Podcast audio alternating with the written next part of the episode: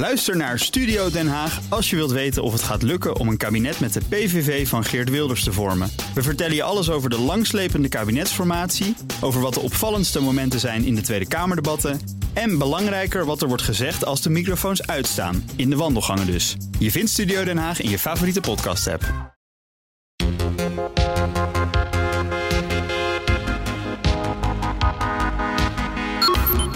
Uh, maar je ziet inderdaad nu wel dat als we eigenlijk hetzelfde scenario voor China schetsen. En je gaat dat dan vervolgens terugredeneren. En je zegt van nou we willen bijvoorbeeld in 2030 of 2035. En willen we ervoor zorgen dat we minder afhankelijk en minder kwetsbaar zijn. En je gaat dan terugredeneren wat dat zou betekenen nu in 2023. Dan moet je eigenlijk nu al ontzettend veel doen in een hele korte tijd. Omdat China zo enorm verweven is met onze economie. Ja, en dan zie je wel dat als je dan aan het kabinet of de Europese Unie vraagt om het komende jaar al grote concrete stappen te zetten, ja, dat het dan heel erg in de planvorming blijft. Hè. Dan worden er allerlei grote documenten met allerlei uh, nou, mooie woorden geschetst. Maar de concrete vraag, gaan wij ons nou meer bezighouden met die mijnbouw in Europa? Of gaan wij ook zaken doen met uh, landen die iets minder democratisch zijn? Ja, dan blijft het toch angstvallig stil.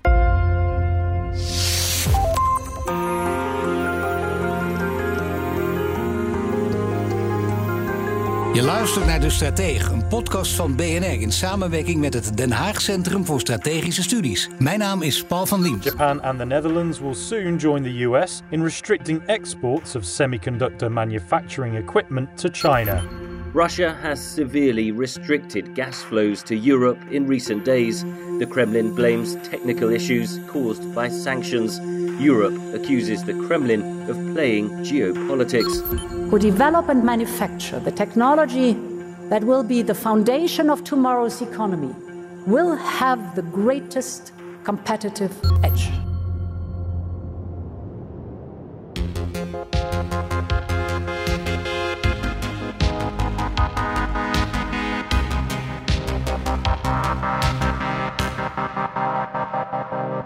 De oorlog in Oekraïne heeft duidelijk gemaakt waar grootmachten in terecht zijn gekomen in een steeds hoger oplopende geopolitieke competitie.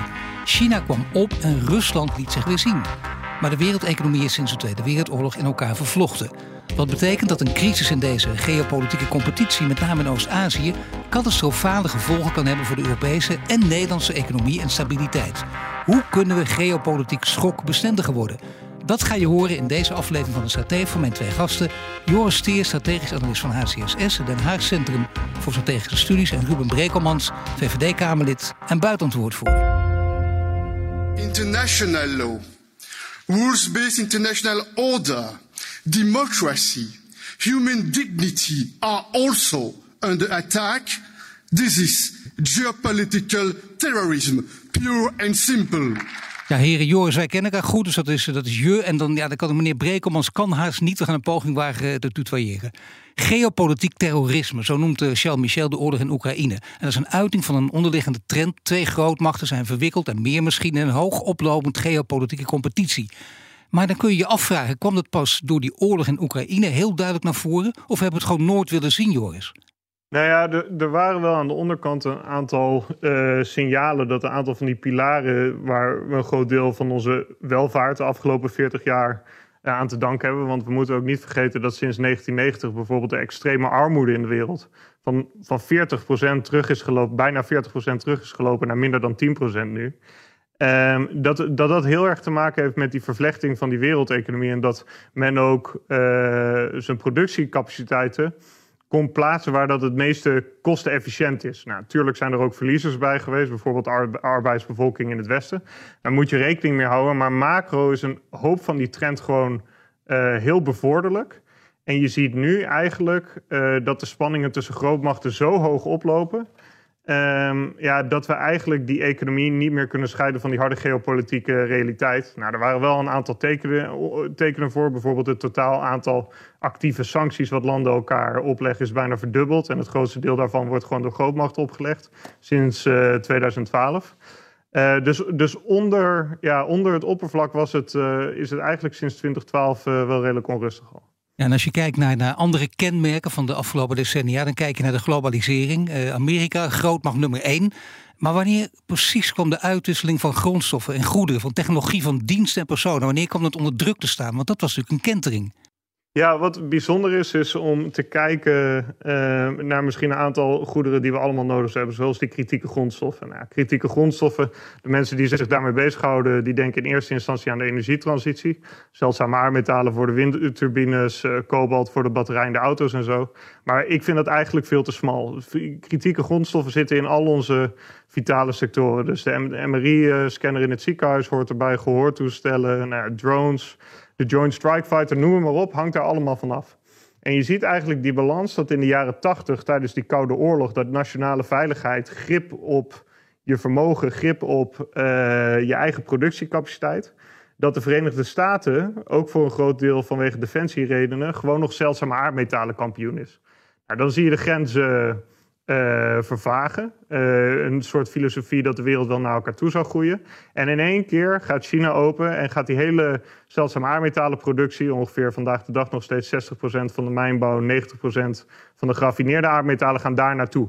Nou, wat je dus nodig hebt voor al die vitale sectoren. En de Amerikanen zijn eigenlijk sinds 2012 zich achter de oren aan het krabben is dat wel houdbaar, gegeven dat we ook uh, nou ja, in China zien wat steeds ambitieuzer wordt. En vanaf dat moment beginnen die de, de mijn alweer te openen. Dus je ziet dat ondanks dat het niet echt economisch is, want ze kunnen het gewoon goedkoper in China halen, dat ze een soort ja, geopolitieke verzekeringspremie afsluiten. Ook geleid door het Pentagon, waar mensen zich zorgen beginnen te maken. Kunnen wij bijvoorbeeld de Joint Strike Fighter nog wel produceren zonder die Chinese invloed daarop? Ja, dat zijn dus, uh, laten we zeggen, ontwikkelingen van de afgelopen jaren, decennia. Maar de afgelopen anderhalf jaar ongeveer kun je zeggen, we zijn in een, in een wervelwind, een soort storm terechtgekomen. En kun je zeggen dat de oorlog in Oekraïne die ontwikkeling van het internationale handelssysteem enorm heeft versneld, of wordt het overdreven? Nou ja, het heeft alles op scherp gezet. Dus op twee manieren heeft het versneld. Eén is de individuele relaties tussen de EU en Rusland, die best wel substantieel maken, voornamelijk waar het ging om aardgas. Dus ondanks eh, de inname van de Krim en ondanks het neerhalen van de MH17, hebben wij de aardgasafhankelijkheid van Rusland, die ergens tussen de 20 en de 30 procent lag rond 2014, eh, 2010. Uh, eh, de, de, de, importafhankelijkheid van de EU is opgelopen tot ongeveer 45 procent. Nou, en je ziet dat dat op het moment dat Poetin dan in augustus vorig jaar die kraan met ongeveer 80 procent dichtdraait, dat dat voorafgegaan wordt uh, door sancties over en weer. Dus dat wij in één keer zeggen essentiële inputs die Rusland nodig heeft, bijvoorbeeld voor de defensieindustrie, zoals chips. Uh, we leggen een alomvattende boycott op. Samen met andere technologisch geavanceerde democratieën die die chips produceren. Nou, daar is Rusland gewoon groot van afhankelijk. En nu tegelijkertijd zie je in Amerika. Ja, nee, ga je gang. Nou, en tegelijkertijd zie je in Amerika een nationale veiligheidsadviseur die zegt: kijk, door die oorlog in Oekraïne en die militaire opbouw van China uh, plus groeiende competitie in Oost-Azië, vinden wij, en dat heet dan een geopolitiek jargon, dat het strategische veld compleet veranderd is. En nu gaan we er, zijn we er niet meer op uit om uh, één of twee generaties voor rivalen te blijven. Nee, we moeten een zo groot mogelijke voorsprong hebben. Dus daar zie je in één keer de mindset helemaal veranderen. Als in, het is vanaf nu het moment is aangebroken dat Amerika een zo groot mogelijke technologische voorsprong vis-à-vis China moet houden. Ja, en nu, we gaan ook naar oplossingen toe, dat is duidelijk. Dat doen jullie ook altijd. Maar eerst even de, de toch alarmerende situatie die jullie schetsen aan de hand van twee scenario's. En ik heb aangekondigd dat Ruben Brekemans hier ook bij is. Hij ook keurig te luisteren, want we hebben deze inleiding nodig, uh, meneer Brekemans. Ruben, hè, dat kan niet anders, dat moeten we even horen. Mhm. En dit, wat, dit scenario wat geschetst wordt, is denk ik van belang. Want dat moet Joris ook even doen. Want die competitie heeft dus uh, gevolgen, die kunnen groot worden. En jullie schetsen de scenario's, die zijn redelijk dichtbij. Die zich kunnen voltrekken tussen 2028 en 2032. Dus niet alle verhalen over 2050, want dat gaan we allemaal niet meer meemaken, denken we soms. Maar dit is dichtbij. Wat zijn die twee toch alarmerende scenario's? Ja, nou ja, het eerste scenario is eigenlijk een soort Poetin draait de gaskraan dicht scenario, alleen dan met kritieke grondstof uit China. Um, het tweede scenario gaat om een langdurige blokkade van Taiwan, uh, waarbij ook het luchtverkeer verstopt raakt en uh, waardoor uh, nou ja, de chips niet meer van het eiland afkomen. En die twee scenario's hebben we gekozen omdat we in een eerder rapport uh, bij 50 experts hebben uitgezet. Wat is nou de grootste risico's eigenlijk voor de toelevering van kritieke grondstoffen en chips, die we dus eigenlijk nodig hebben voor al die vitale sectoren. Wij vergelijken vaak de kritieke grondstoffen met nou, het skelet van de wereldeconomie. Gewoon simpelweg omdat al die vitale zaken die ik noemde, die kan je niet bouwen zonder die grondstoffen. En tegelijkertijd zijn chips eigenlijk van de moderne wereldeconomie dan het zenuwstelsel. Met Tesla bijvoorbeeld zitten ongeveer 2500 chips. Uh, die Nou ja, gaat van je, je, raampje omhoog doen of automatisch uh, soort van rijdende karakter. Nou, die crisisscenario's uh, die hebben we gekozen omdat die heel hoog scoorden in waarschijnlijkheid. Ja. Dus die, dat er een kritieke grondstoffembargo komt voor 2032 kwam ongeveer op 60% uit. En een blokkade, langdurige blokkade van Taiwan, ongeveer 56, 57 nou ja, en moet benadrukken, we hebben echt het uitgevraagd bij uh, oud-ambassadeurs, voormalig commandanten strijdkrachten, industriespecialisten, et cetera, om met ons ja. eerst een, uh, een, een, kans van die scenario's te geven en dan vervolgens de impact ervan door te denken. Ja, mensen die, die geen belang hebben om, om de boel uh, aan te wakkeren, de spanning aan te wakkeren, te roepen hoe erg het allemaal is, die willen zo reëel mogelijk kijken wat er aan de hand is, die hebben ook hun contacten, die leggen hun oor te luisteren. Als je dit hoort en dit weet als Kamerlid, als buitenlandwoordvoerder van uh, ja, nog steeds de grootste partij van Nederland, dan denk je nou wacht even, er moet iets gebeuren. En, en je moet daar dus nu al over nadenken. Daar wil je op anticiperen. Aan de andere kant heb je te maken ook met, met een electoraat dat denkt: wacht even, crisis op crisis, een cascade van crisis, moet dit er ook nog bij. Hoe ga je daarmee om? Door in ieder geval de, de omvang en inderdaad de urgentie van het probleem, om dat heel duidelijk te maken. En ik ben het helemaal eens met eigenlijk de geschiedenis hoe Joris die schetst. Ik denk dat uh, bijvoorbeeld in 2008 financiële crisis, dat mensen door begonnen te krijgen die alsmaar globaliserende wereld, daar zitten ook enorme risico's aan. Um, de COVID-pandemie is ook zo'n voorbeeld. Dus we begonnen zeg maar, in dat hele idee van globalisering is alleen maar positief en goed. Daar zaten we al een tijdje barsten in. Maar echt dat enorme risico dat van het een op het andere moment de relatie met de grootmacht kan veranderen. En dat dat eigenlijk door de hele samenleving heen werkt. Dat waren in het verleden alleen experts die dat soort risico's doordachten. Maar nu hebben we het allemaal ervaren. Uh, maar je ziet inderdaad nu wel dat als we eigenlijk hetzelfde scenario voor China schetsen. En je gaat dat dan vervolgens terugredeneren. En je zegt van nou, we willen bijvoorbeeld in 2030 of 2035. En willen we ervoor zorgen dat we minder afhankelijk en minder kwetsbaar zijn. En je gaat dan terugredeneren wat dat zou betekenen nu in 2023. Dan moet je eigenlijk nu al ontzettend veel doen in een hele korte tijd. Omdat China zo enorm verweven is met onze economie. Ja, en dan zie je wel dat als je dan aan het kabinet of op de Europese Unie vraagt om het komende jaar al grote concrete stappen te zetten, ja, dat het dan heel erg in de planvorming blijft. Hè. Dan worden er allerlei grote documenten met allerlei uh, nou, mooie woorden geschetst. Maar de concrete vraag, gaan wij ons nou meer bezighouden met die mijnbouw in Europa? Of gaan wij ook zaken doen met uh, landen die iets minder democratisch zijn? Ja, dan blijft het toch angstvallig stil. Ja, die zal gesteld moeten blijven worden. Het, het smoort dan heel vaak in mensenrechten, want daar begint het mee met het gevoel. En daar kan niemand ook op tegen zijn. Het is ook niet zo, alleen we zullen toch een keuze moeten maken.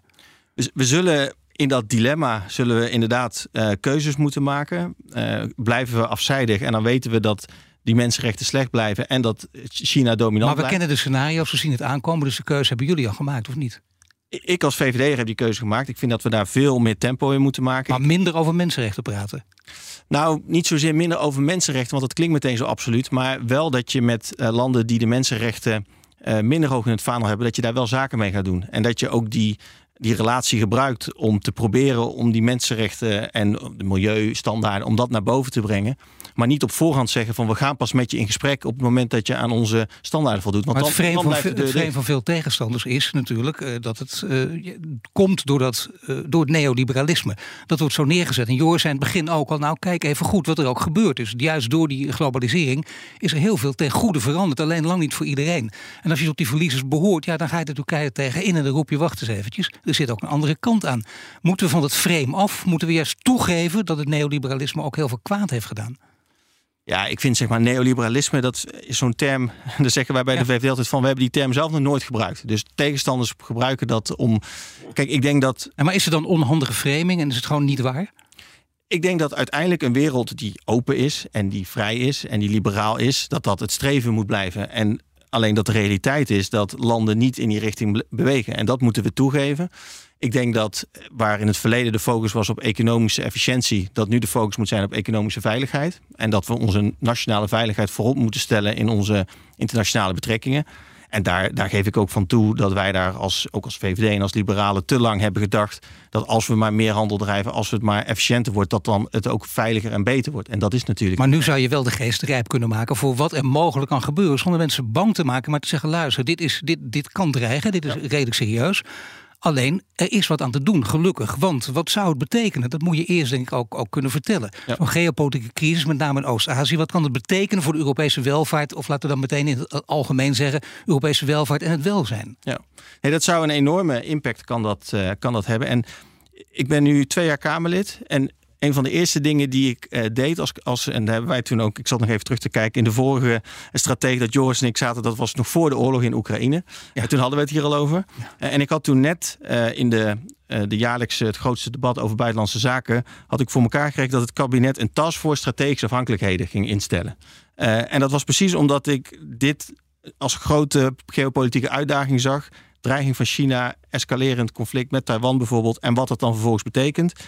En dat als we niet zoiets als een taskforce instellen en daar prioriteit aan geven, daar een agenda op maken, daar eh, misschien ook budget tegenaan uh, gooien, dat er dan te weinig gebeurt. En je ziet dat nou, het kabinet en ook in Europa dat het heel langzaam op gang is gekomen.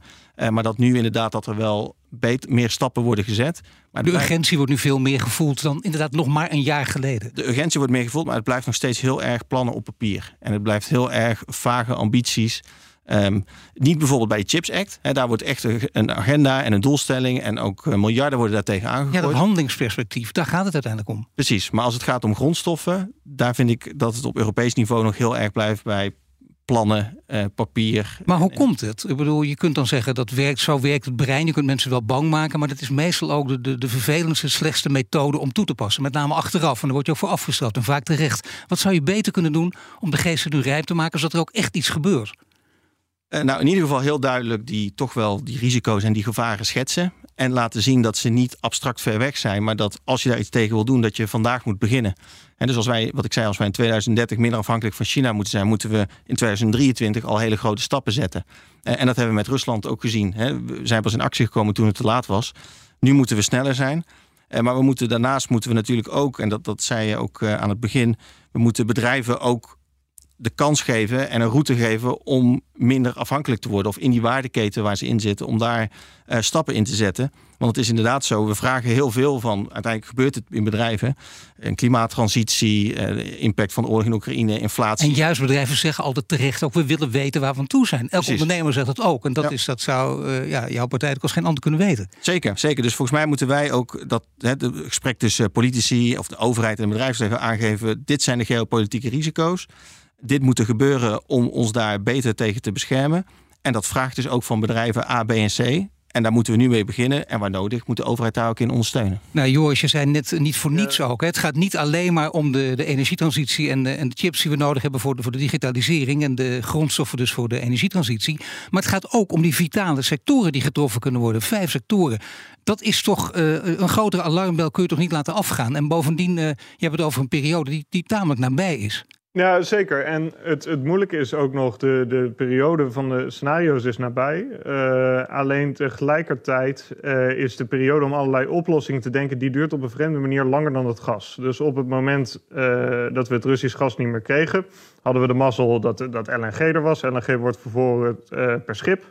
Uh, en je kan in één keer internationaal inkopen waar je dat nou ja, met gas vanuit Rusland, toen het toch allemaal via pijpleidingen kwam, twintig jaar geleden, dat nog niet kon doen. Dus op een bepaalde manier heeft het Westen en de EU voorop uh, gewoon de portemonnee getrokken tegen hoge kosten. Uh, gewoon veel deze kant op gehaald. Ook met allerlei stroomuitval in uh, Pakistan en Bangladesh en Afrikaanse landen tot gevolg. Maar ja, dat was de focus. Alleen als je kijkt naar die kritieke grondstoffen bijvoorbeeld, je hebt gewoon twee problemen. Eén, je hebt vele malen meer kritieke grondstoffen nodig door die energietransitie. Waardoor het corset waarin ook die andere vitale sectoren zitten, eigenlijk steeds, steeds nijpender wordt. Dus kijk je bijvoorbeeld naar zeldzame aardmetalen. Er zijn een aantal projecties dat puur voor alle windturbines en de, ja, de elektrische auto's en zo, dat je ongeveer 200% meer van die aardmetalen, dus drie keer zoveel, nodig hebt in 2030. Nou ja, ga je dan kijken naar de tijd dat het kost om zo'n mijn op te zetten volgens het Internationaal Energieagentschap, nou, dan kom je bij een periode uit van 7 tot 20 jaar. En die zeven jaar uh, met Europa en zijn inspraakprocedures en not in my backyard en dat soort zaken, die ga je niet halen. Dus als je de, de geopolitieke tijdlijnen met de grote risico's naast elkaar legt en uh, de tijd om te mitigeren, dan kom je toch wel in de knoop te zitten. Nou toch wel in de knoop te zitten. Inderdaad, want uh, not in my backyard en de vergunningen, dat alleen al. Je noemt een, een vrij ruime periode, 7 tot 20 jaar. Maar nou ga je in het midden zitten. Ik bedoel, dan loop je jaren achter de feiten aan. Dan ga je niet halen wat je wil. En dat kun je bijna niet maken. Of is dat dan ook een, een logisch scenario wat je ook in je achterhoofd moet hebben? Dat alle doelen gaan opschrijven. Dus ook de digitaliserings- en de, de energietransitiedoelen. Nou, op een bepaalde manier is dat wel een, een mogelijk gevolg. Want eh, de, een groot deel van die digitalisering, puur als je naar de chipsector kijkt, iedereen heeft een klein stukje, maar een essentieel stukje van die sector. Wij hebben de EUV-machines eh, van ASML. Eh, uniek in de wereld, TSMC creëert de allersnelste logic chips op Taiwan. Uniek in de wereld, Samsung doet de allerbeste memory chips. in Zuid-Korea het grootste aandeel daarvan. En je ziet eigenlijk een heel efficiënt wereldwijd netwerk uh, aan bedrijven die diepe investeringen gedaan hebben in één klein stukje. Nou, dat is wat globalisering mogelijk maakte. En die commerciële logica bij die nieuwe technologie is er heel erg. Je gaat steeds verder specialiseren in een kleine niche. De geopolitieke logica is, je wil je indekken tegen risico's die heel erg op één plek zitten. Dus eigenlijk automatisch ga je dupliceren. Je gaat van tevoren iets ergens anders neerzetten... wat, wat je al goedkoper in kon kopen, bijvoorbeeld in Taiwan. Dus kijk bijvoorbeeld naar de Amerikanen. Uh, die uh, hebben TSMC, uh, dus de Taiwanese chipfabrikant, gelokt om in Arizona voor 40 miljard twee van die grote fabrieken neer te zetten.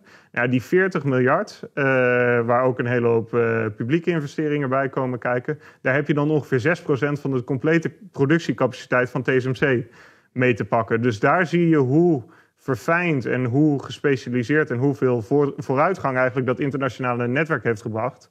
Uh, en tegelijkertijd moet je daar wel maatregelen voor nemen dat als het fout gaat op één plek, dat je niet al je geld daarin hebt zitten. Maar dan nog, wat we ook doen, we kunnen toch tegen niemand gaan zeggen, we kunnen ons helemaal losweken van China en Taiwan. Af en toe hoor je die verhalen ook, als we dat gaan doen. Maar zo ver zijn we in elkaar vervlochten dat dat toch onmogelijk is. Moet je dat ook niet gewoon hardop zeggen dan?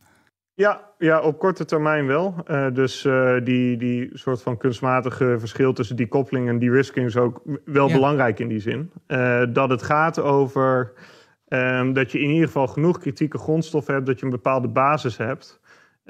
Voor de vitale sectoren om die zelf in stand te houden. En om te laten zien hoe fragiel het is, als je bijvoorbeeld kijkt naar het chiptekort, gewoon volgend op COVID, doordat de handel een stuk moeilijker werd. nou ja, de medische sector moest concurreren met de autosector, want die leunen ongeveer op dezelfde soort chips. En de voormalig CEO van Philips moest een groot opiniestuk op de World Economic Forum schrijven: Ik kan niet aan mijn medische chips komen, want er zijn te weinig chips. De autosector is veel groter. Ja. Uh, en die komt ze weg en daardoor kan ik mijn orderboek niet afmaken. En dat is niet alleen een Philips-probleem, dat is ook in de medische sector. In de VS zie je dat bijvoorbeeld ook. Ja, wat zou je, Ruben, wat zou je daar dan aan kunnen doen? Zou je kunnen zeggen, we zouden meer, hoewel dat ook weer heel gevoelig ligt, maar veel meer nog als Europa als één moeten optrekken om een machtig front in een veranderende wereld te gaan, uh, te gaan vormen? Het liefste wel, het liefste wel. Federaal Europa? Dat, dat niet. nee, dat niet. Nee, ik dacht even. Nee, nou op, op buitenlandterrein vind ik wel dat eh, bijvoorbeeld meer ook met, via meerderheidsbesluitvorming zou moeten zijn, dus minder via unanimiteit. Um, kijk, ik denk dat, dat het vooral, kijk wat Joris schetst, um, we zijn al, zeker als het om die kritieke grondstoffen staat, zijn we aan de late kant. Uh, dus ik vind het goed dat de EU heeft gezegd van nou laten we eerst naar onze meest nauwe bondgenoten, Australië, Canada, waar, waar meer gebeurt, kunnen we daar niet op inhaken. Uh, maar als het gaat om landen in Latijns-Amerika en, en Afrika, je, je moet gewoon zo snel mogelijk beginnen. En volgens mij moet je een combinatie doen. Dus uh, het is voor de EU, dat is nou niet echt een diplomatiek powerhouse. Dus als je daarop gaat zitten wachten, dan leidt dat niet altijd tot versnelling. Volgens mij moet je per land kijken waar liggen de kansen en waar liggen de beste diplomatieke betrekkingen. En waar kunnen we een combinatie maken van uh, wederzijdse belangen. En dat zou bijvoorbeeld ook kunnen betekenen dat in sommige gevallen uh, Frankrijk het voortouw neemt samen met de EU, of in andere gevallen een keer Nederland of Duitsland. Uh, maar dat je wel die, die agenda, dat je die veel meer gezamenlijk en met veel meer eenheid uitvoert. En dat gaat nu vaak gaat dat nog niet goed. Want Nederland is als klein land natuurlijk helemaal afhankelijk, hoe dan ook, wat er ook gebeurt. Maar ook Nederland zal op het een lijstje komen te staan van de landen waar mining bijvoorbeeld mogelijk is. Of zal er ook bij andere landen uh, mee moeten gaan besluiten. Nou, dan weten we wat voor discussie daarover zal komen. Begrijpelijke discussie, voor beide kanten begrijpelijk. Maar er moet een knoop worden doorgehakt. Waar zou je als politiek op in moeten zetten? Waar zouden jullie op in willen zetten? Een deel van het punt is ook gewoon het verhaal vertellen dat uh, aan de ene kant China geleid wordt door een zeer ambitieuze autocraat... Uh, die als we een beetje pech hebben nog een hoop schade gaat berokkenen aan de wereldeconomie. Maar aan de andere kant is het verhaal wel dat een hoop van de ecologische... maar ook humanitaire lasten, gewoon om in die mijnen te werken, et cetera. Dat die allemaal wel gedragen zijn door China de laatste 40 jaar. Dus we hebben aan China eigenlijk gevraagd om heel veel pijn te accepteren. Um, en daardoor zijn dit soort afhankelijkheden gecreëerd. Dus er moet ook, denk ik, juist vanuit de politiek ook wel duidelijk gemaakt worden dat allerlei uh, not in my backyard toestanden in Europa, die soms heel begrijpelijk zijn, um, dat we daar ook een weerwoord aan moeten bieden. Dat een hoop uh, ja, vervuiling, uh, die we logischerwijs zelf konden exporteren en dat ook wel bijgedragen heeft aan de ontwikkeling van andere delen van de wereld, dat als je meer grip wil hebben op je eigen toekomst weer Um, ja, dat je, dat je daar een deel van zelf zou willen moeten dragen. En één, één voorbeeld daarbij. We hadden bij de opening van ons initiatief HCSS Board... een ontzettend interessante Q&A met minister Schrijnemacher hierover... die wat mij betreft uh, de juiste onderwerpen bovenaan heeft staan. Uh, namelijk die chips en die grondstoffen. Dus hartstikke belangrijk. Maar toen het bijvoorbeeld ging over de bouw... Uh, of de mogelijkheid tot de bouw van een TSMC-fabriek hier in Nederland... Ja. Dan was de reactie toch, ja, vanwege het stikstofdossier is daar momenteel wel erg weinig ruimte voor. Ja. En dan, ja, als we aan de ene kant vragen van Inner Mongolië in China om een soort radioactief meer voor de verwerking van die zeldzame aardmetalen te accepteren, dan wordt het wel moeilijk als wij om allerlei uh, redenen hier niet onze verantwoordelijkheid willen nemen om geopolitiek wat schokbestendiger te worden. Nou, goede vraag voor Ruben ook. Uh, moeten we dat gewoon niet doen dan? Ja, ik vind alleen die TSMC-fabriek. Ik heb daar ook met mensen in Brainport-regio over gesproken. Die zeggen ook gewoon van ja, we hebben hier die ruimte niet en de mensen niet. Dus zeg maar, als je daar ook duizenden mensen daar nog zouden moeten werken. Uh, de huizen staan er niet, de, de infrastructuur is er niet. Dus dan zeggen ze ook van ja, zet het dan een, aantal kilometer verderop in Duitsland neer. Dan behoort het tot hetzelfde ecosysteem. Uh, en daar zijn meer ruimte, meer mensen. Dus volgens mij moet je niet altijd zeggen van het moet per se in Nederland. Het mag ook in Duitsland uiteindelijk profiteer. Maar er zijn natuurlijk situaties waarmee je kunt niet bij alles zeggen. Dat kunnen we niet doen vanwege nee, bijvoorbeeld het stikstofdossier. En al die dossiers spelen allemaal mee. Je zult af en toe ook dat soort wetten moeten doorbreken. Die grote ruzies aan moeten gaan. En dan moet je denk ik nu al de geest rijp maken, of absoluut. niet? Nee, absoluut. Dus ik ging even op dit voorbeeld in. Maar op het algemene punt ben ik het eens. En om dan als politicus de hand in eigen boezem te steken. Wij doen dat als politiek, doen we dat niet goed. Uh, bijvoorbeeld een discussie rondom diepzeemijnbouw. Ook zoiets. Hè? Uh, we hebben die grondstoffen nodig. Sommige die zitten ook diep in de oceaan.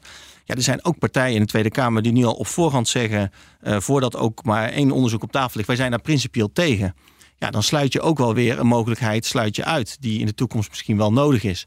Hetzelfde mijnbouw in Noordzee. Er zijn ook partijen die dan direct zeggen is voor ons een no-go. Terwijl ik denk van ja, weet je, daar zitten nog mogelijkheden. Maar ja, je kunt natuurlijk verwijzen naar een Green Deal en wat ermee samenhangt. En dan, kunnen, dan zul je misschien moeten gaan zeggen, is op sommige punten zullen we door de veranderende situatie, de Green Deal die is niet de beton gegoten, of wel, maar je kunt ook zeggen niet. Die moeten we door de veranderende situatie, uh, daar zullen we af en toe moeten inbreken, of niet? We kunnen niet alles tegelijk. We kunnen niet zeggen, we doen en um, alle groene doelen over de hele breedte willen we alles halen. Uh, we willen en minder afhankelijk worden van China. We willen uh, ook nog inderdaad alles rondom, uh, in sommige gevallen rondom stikstof. We zullen daar, polit, politici zullen we in die dilemma's zullen we keuzes moeten maken en richting moeten aangeven. Dus niet de Green Deal als in beton gegoten zien, maar weten dat er ook aan gesleuteld kan worden. Liever niet, er zijn afspraken. Maar aan de andere kant, als de situatie om vraag wel. Ik, ik vind het eigenlijk als de. Wel wil of niet? Wel, wel. Kijk, als de afweging moet worden gemaakt tussen onze veiligheid. Hè, en dat heeft te maken met de Chinese dreiging, onze economische veiligheid versus andere doelstellingen. Dan vind ik altijd en vindt de VVD dat we onze veiligheid voorop moeten stellen. Kijk, in heel veel gevallen draagt de Green, Green Deal ook bij aan onze veiligheid. Hè, want we hebben eh, minder gas nodig. Maar tegelijkertijd ook weer juist al die kritieke grondstoffen waarin we afhankelijk zijn van China. Dus het is uiterst complex. Uh, maar ik vind dat als er dit soort dilemma's zich voordoen, of het nou om milieu gaat of mensenrechten, dat we moeten zeggen, onze veiligheid die dat is onze, ons fundament. Uh, en dat we dat uh, centraal moeten stellen. En je ziet dat er wel meer verandert. Bijvoorbeeld kijken naar de Amerikaanse Chips and Science Act, eh, de Amerikaanse Inflation Reduction Act, de Europese Chips Act, de European Critical Raw Materials Act. Allemaal heeft te maken uiteindelijk ook met industriepolitiek. VNO, NCW, nou, jouw partij natuurlijk ook daarnaast, heeft heel lang niet over industriepolitiek willen praten. Misschien niet willen denken zelfs. Dat is nu veranderd. Hoe moet dat precies veranderen? Welke kant gaat dat dan op? Wat voor beeld moet je daarover over schetsen? Nou, ik vind dat daarvoor ook geldt dat we heel gericht moeten kijken naar welke sectoren willen we versterken omdat we die afhankelijkheid willen afbouwen. Dus wat willen we meer in Europa doen? En hoe zorgen we ervoor dat in Europa dat wij die competitie ook met de Verenigde Staten en met name China, dat we die ook aankunnen. En als dat betekent dat we in bijvoorbeeld in de chipsindustrie, maar het kunnen ook andere dingen zijn, dat we daar meer in moeten investeren en die, die sector wat meer moeten beschermen. Uh, dan ben ik daar voorstander van. En hebben wij als liberalen ook de bocht genomen van nou, dan mag de overheid daar ook een actieve rol in spelen. Waar we op moeten passen, denk ik, is dat we nu hele grote budgetten vrijmaken. En dat die dan automatisch naar een inefficiënt staatsbedrijf in Frankrijk of Duitsland toevloeien. Dat zie je vaak in dit soort situaties dat dat gebeurt. Hele grote bedragen worden opeens vrijgemaakt. Eh, de druk is groot. En wat gebeurt er eigenlijk mee? Precies, precies. En dan, en dan zijn we volgens mij dubbel uh, verkeerd af. Want dan hebben we en uh, zijn we daar een heleboel geld aan kwijt. En zijn we iets aan het stimuleren, waardoor we nog steeds niet die concurrentie. Nee, maar we hebben natuurlijk ook ASML. En ASML wil dat natuurlijk niet. Uh, je bent speelbal van de geopolitiek. Nou, dat blijkt al een hele hete aardappel. Ministers moeten er ook een beetje omheen draaien. Allemaal heel erg lastig wat je wil en niet zegt. Heel gevoelig. Maar op een gegeven moment, uh, hoe gevoelig het is, hoe duidelijker wij willen weten wat er aan de hand is. Wat zou je tegen ASML kunnen zeggen? En, en dat belangrijke bedrijf voor Nederland en voor de hele wereld. Volgens mij is de, discussie doorlopend met ASML dat, dat, zij, dat, dat we hen enorm waarderen als Nederland. Dat wat zij presteren, dat dat ongekend is. Uh, maar dat ze tegelijkertijd ook in een geopolitiek krachtenveld zitten. En dat, uh, dat soms betekent inderdaad dat zij bijvoorbeeld uh, niet, het is al met EUV, maar ook met de meest moderne DUV-machines, dat ze die niet naar China uh, kunnen exporteren. Dus je moet er ook op rekenen, de ASML moet er ook op rekenen. Dan weten ze in ieder geval waar ze aan toe zijn. Dat ze ook in de toekomst nog pressiemiddel kunnen blijven. Uh, omdat ze als pressiemiddel ingezet kunnen worden. Zeker. En ook, als, ja, zeker ook al zouden wij, en, ja. Ja. en ook al zouden wij het als Nederland liever niet willen, de, de, Verenigde Staten en China die bepalen dat ook tot op zekere hoogte. Dus volgens mij wat wij kunnen doen is met ASML samen eh, als Nederland en in sommige gevallen ook met de Europese Unie, ja. Eh, ervoor zorgen dat zij niet een geopolitieke speelbal zijn, eh, maar vanuit onze eigen kracht ervoor ja. zorgen dat we daar ook een sterke positie in hebben. Oké, okay, Joris? Nou ja, ik, ik, ik, het is eigenlijk waar we de komende decennia tegenaan kan komen, is eigenlijk een spel van strategische afhankelijkheden. Dus de andere is strategisch afhankelijk van jou en jij van hen. En dan zie je met Rusland dat je na een tijdje in zo'n ja, zo'n uh, versnelling, zo'n uh, geopolitieke sanctiekettingreactie terecht kan komen. Dus Poetin stapt de grens over. Ja, eigenlijk uh, vrij snel leggen wij al een alomvattende chipboycott op, omdat we weten dat zijn defensieindustrie volledig afhankelijk is van westerse microelektronica. En dan krijg je die gasreactie daartussenin. Maar het kan natuurlijk ook anders. Wat je kan doen, is ook juist al die, uh, die krachten die er toch wel zitten in de samenlevingen en in de industrie en in de technologieën van die technologisch, uh, technologisch geavanceerde democratieën. Uh, om dat goed in kaart te brengen dat op het moment dat je weet de spanningen lopen op in China, dat wij daar niet militair aan bij kunnen dragen, want die, die middelen hebben we niet.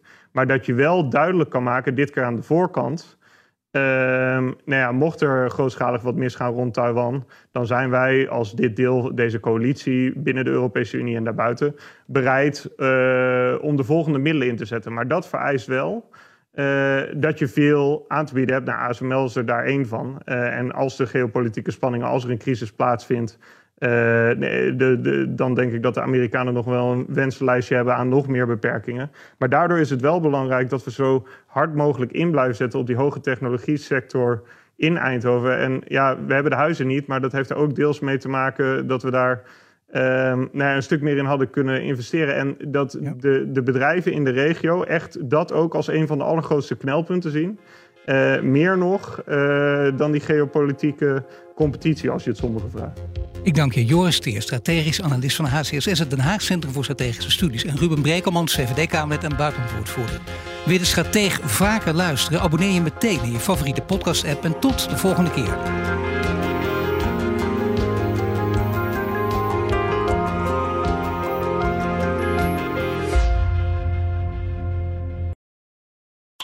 Ook Diana Matroos vind je in de BNR-app. Ja, inderdaad. Je kunt live naar mij luisteren tijdens de Big Five. Ook handig in de BNR-app. Breaking nieuwsmeldingen, maar ook het allerlaatste zakelijke nieuws. En je vindt in de app alle BNR-podcasts, waaronder Wetenschap Vandaag. Download nu de gratis BNR-app en blijf scherp.